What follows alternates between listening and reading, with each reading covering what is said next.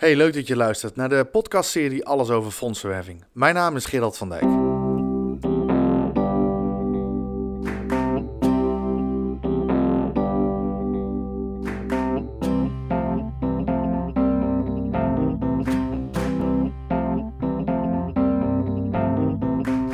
Je luistert naar een podcast van Grantio Fondsenwerving.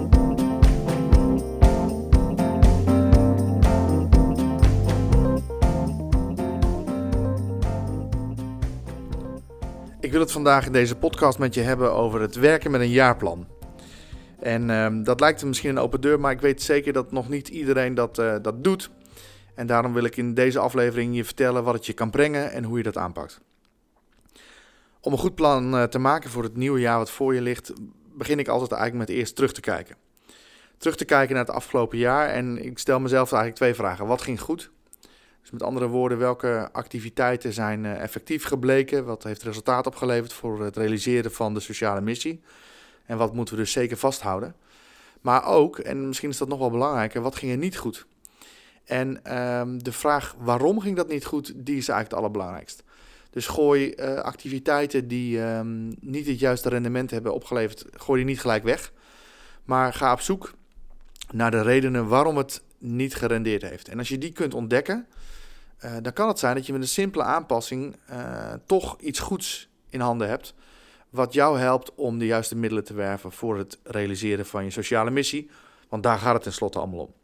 Dus begin met terugkijken en, en benoem voor jezelf wat ging goed. En benoem ook wat ging niet goed en waarom ging het niet goed. En mij helpt het altijd om dingen op te schrijven. Dus gebruik een flip over of desnoods uh, een vel papier of een whiteboard. Uh, praat erover met elkaar en, en breng het in beeld, want dat, dat geeft je houvast naar het komende jaar toe. En het risico wat je uh, loopt als je dat niet doet, is dat je iedere keer bezig bent met uh, het wiel opnieuw uit te vinden, zonder ooit echt goed te begrijpen hoe het wiel voor jouw organisatie draait en functioneert.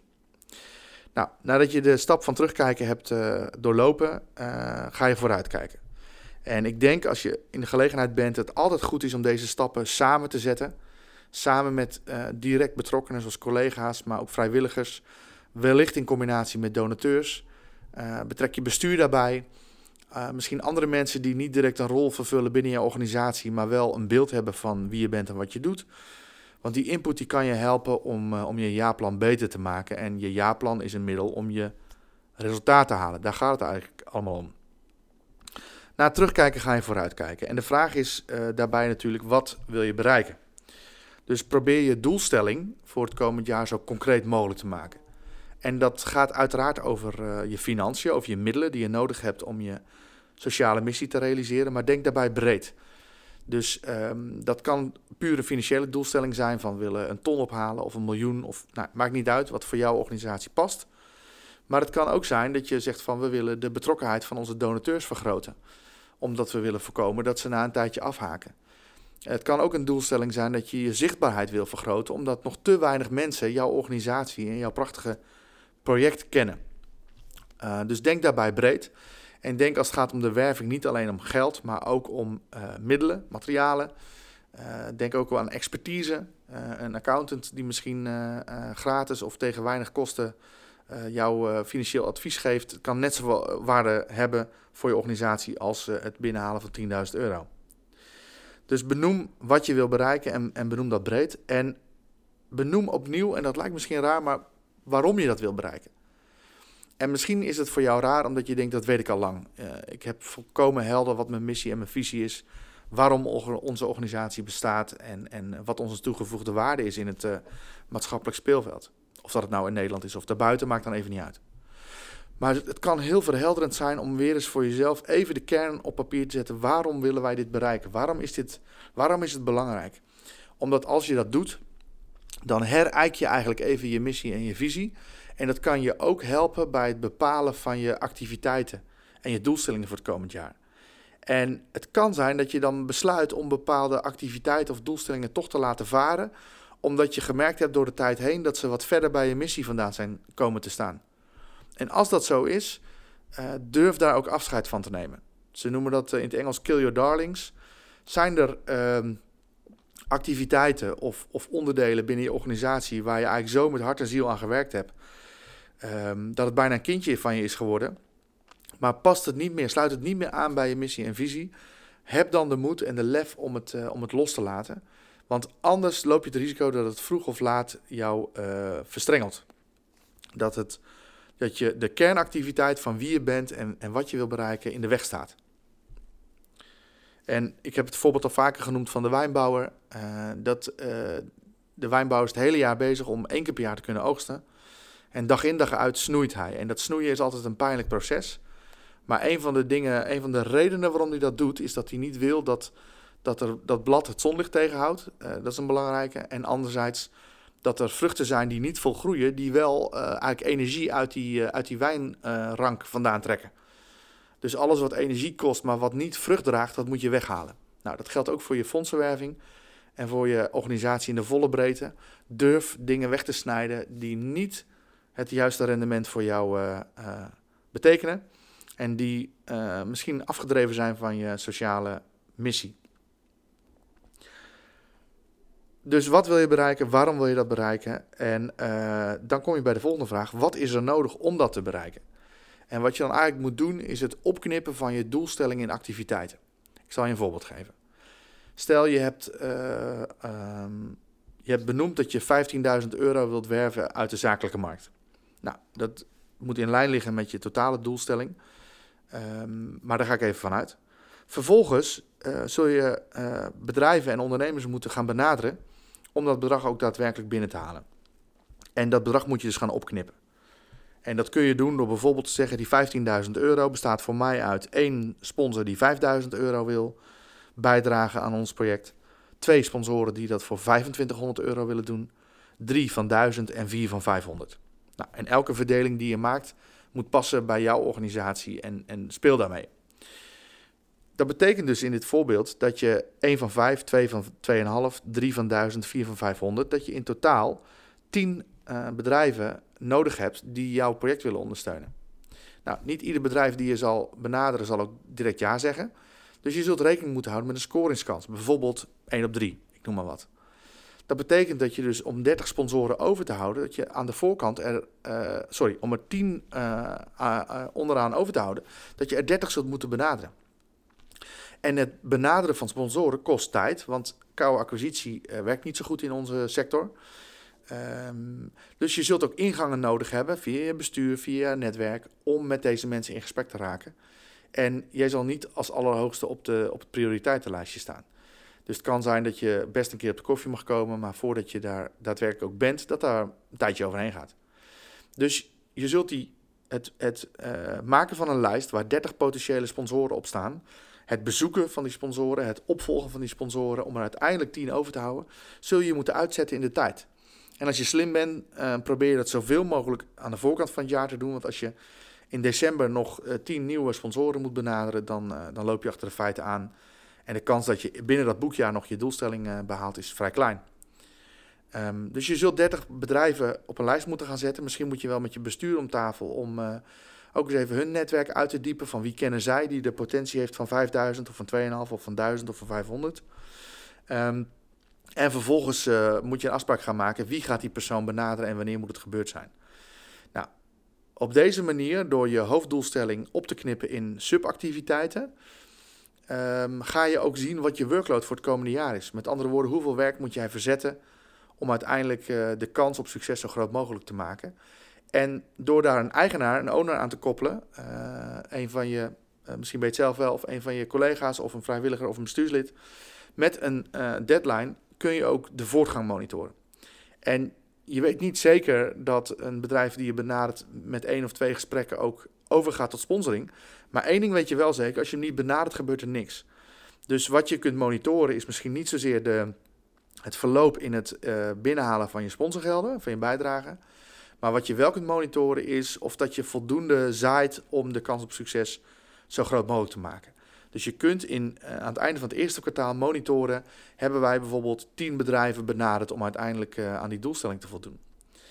Um, en het handige zou kunnen zijn om je uh, doelstelling vanuit een meerjarenstrategie terug te vertalen naar een jaarstrategie voor het komend jaar.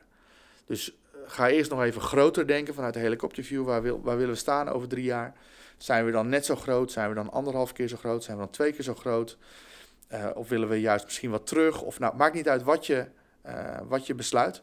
Maar vanuit een meerjarenstrategie is het makkelijker om weer terug te rekenen van en wat betekent dat voor het komende jaar. En niemand kan in de toekomst kijken. Dus het is altijd een, een zekere uh, aanname. Het heeft, wat, ja, het heeft te maken met onderbuikgevoel. Maar hoe vaker je bezig bent met een jaarplan en met een meerjarenplan, hoe beter je ook in staat bent om ehm, redelijke inschattingen te maken over uh, welke inspanningen je moet doen om welk resultaat te halen. En dat geldt bijvoorbeeld ook in dit voorbeeld voor je scoringskans. Als je dit een tijdje doet, dan ga je op een gegeven moment wel ontdekken of dat jouw scoringskans inderdaad 1 op 3 is, of 1 op 2, of 1 op 4, of nou, wat het dan ook is. Maar hou jezelf alsjeblieft niet voor de gek, want daarmee uh, maak je een mooi plan aan de voorkant, maar de kans dat je die ook daadwerkelijk verzilvert is gewoon een stuk kleiner. Oké, dus na het terugkijken en het vooruitkijken heb je bepaald ook wat je, wat je doelstelling is en uh, uh, hoe je dat gaat bereiken, wat er voor nodig is en je activiteitenlijst. Ik heb uh, ook een e-learning over dit onderwerp gemaakt. Die staat op mijn website www.grantiu.nl winkel. Daar vind je een aflevering over het jaarplan en er zit ook een concept jaarplan activiteitenlijst bij. Dus als je deze aflevering koopt, dan krijg je daar een, een format bij wat je kunt gebruiken om jouw uh, activiteiten die je moet gaan doen komend jaar te registreren, maar ook te monitoren. Vervolgens is het belangrijk om te gaan kijken naar je marketing en communicatie. Dus uh, je weet wat je wil bereiken, uh, hoe je dat wil gaan doen, welke doelgroep je op het oog hebt. En dan is de vraag, ja, hoe gaan we die boodschap communiceren? En dat heeft vooral met je marketing en je communicatie te maken. Dus de vraag waar je eigenlijk een antwoord op zou moeten vinden is welke boodschap communiceren we naar wie? een bedrijf benader je op een andere manier dan een particulier. En een fonds weer anders dan bijvoorbeeld een kerk. Dus je zult je boodschappen uh, moeten onderverdelen per kanaal. Um, en je moet dus bepalen welke boodschap ga je naar wie uit, uitzenden. Vervolgens kies je de kanalen die daarbij passen. Is dat uh, offline communicatie in de vorm van een, een, uh, een direct mailing of, of een, een, nieuwsbrief die op de mat valt? Of is dat online communicatie via bijvoorbeeld je social media of e-mailings? Uh, of is dat een combinatie tussen die twee, uh, waarin je bijvoorbeeld een, uh, een direct mailing verstuurt, waar een, een URL in staat waar mensen naartoe kunnen gaan voor meer informatie. Nou, daar zul je over na moeten denken. En ook de frequentie waarin je dat doet. Dus um, ik kom regelmatig tegen dat ehm, organisaties met een sociaal-maatschappelijk karakter heel willekeurig communiceren, bijvoorbeeld via hun social media kanalen. Dus ineens posten ze drie berichten achter elkaar en dan zie je twee maanden niks. Nou, dat werkt niet. Op die manier uh, blijf je niet in beeld bij je uh, bestaande achterban en je potentiële achterban. Dus het is belangrijk dat je op regelmatige basis communiceert en dat je helder bent in uh, ja, wat je wil bereiken en, en bij wie je dat uh, wilt bereiken. Dus bepaal ook de frequentie waarin je een bepaalde boodschap gaat uitzenden. En um, ja, ook dat geeft inzicht in je workload. Als je weet dat je twee keer in de week een bericht op Facebook wilt gaan plaatsen, dan zul je na moeten denken over wie dat bericht opstelt, uh, wanneer je dat gaat plaatsen. Er zijn allerlei tools voor die je daarin kunnen helpen, ook Facebook zelf, zodat je het niet altijd real-time hoeft te plaatsen, maar ook kunt plannen. Maar dat bericht zal aangemaakt moeten worden en er moet over nagedacht worden, wat is de tone of voice, wat is je doel met dat bericht, welke uitstraling moet het hebben, welke inhoud moet het hebben. Dus ik wil je uitdagen om dat ook in je jaarplan mee te nemen als een, uh, als een doelstelling, om te benoemen uh, wie wat wanneer gaat maken. Tot slot ook een, een andere open deur en dat is dat je niet alleen moet zenden. En uh, ik, het is een open deur, maar helaas uh, ja, zijn er nog, nog steeds heel veel organisaties die vooral vanuit zichzelf redeneren. Van kijk eens hoe mooi project we hebben, kijk eens wat we allemaal aan het doen zijn. En um, dat past niet meer in deze tijd. Deze tijd is eigenlijk veel meer van buiten naar binnen.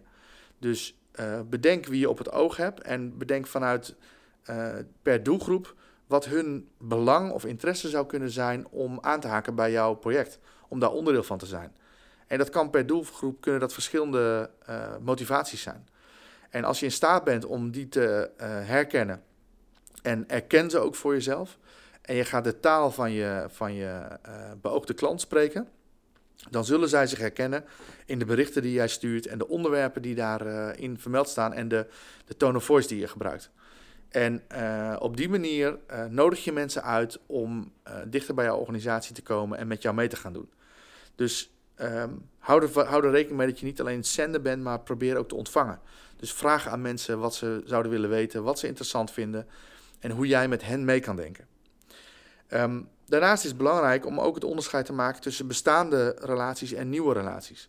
Ehm, als je alleen maar focust op nieuw en je verwaarloost je bestaande donateurs en sponsoren, dan loop je het risico dat ze op een zeker moment uh, ja, niet meer zo fan zijn van jouw organisatie.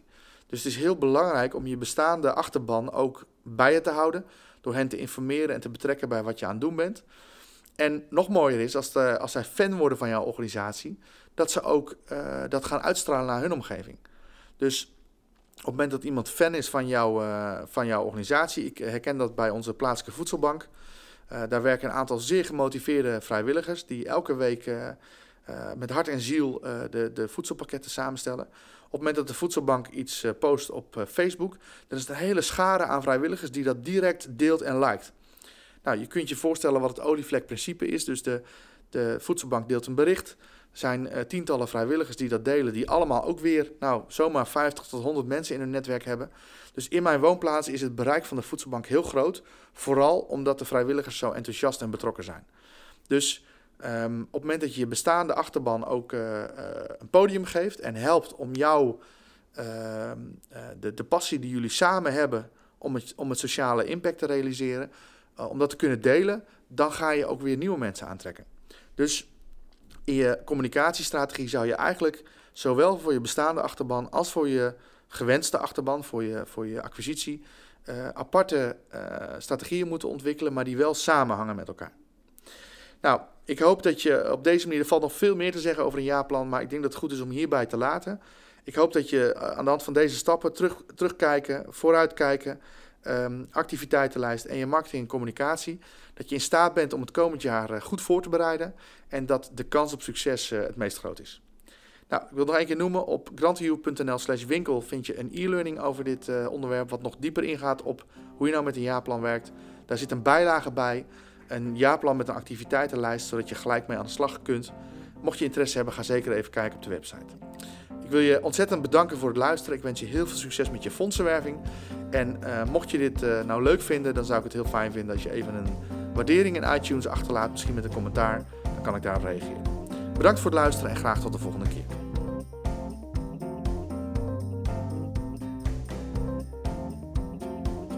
Heb je vragen? Stuur je mail naar podcast.grantioe.nl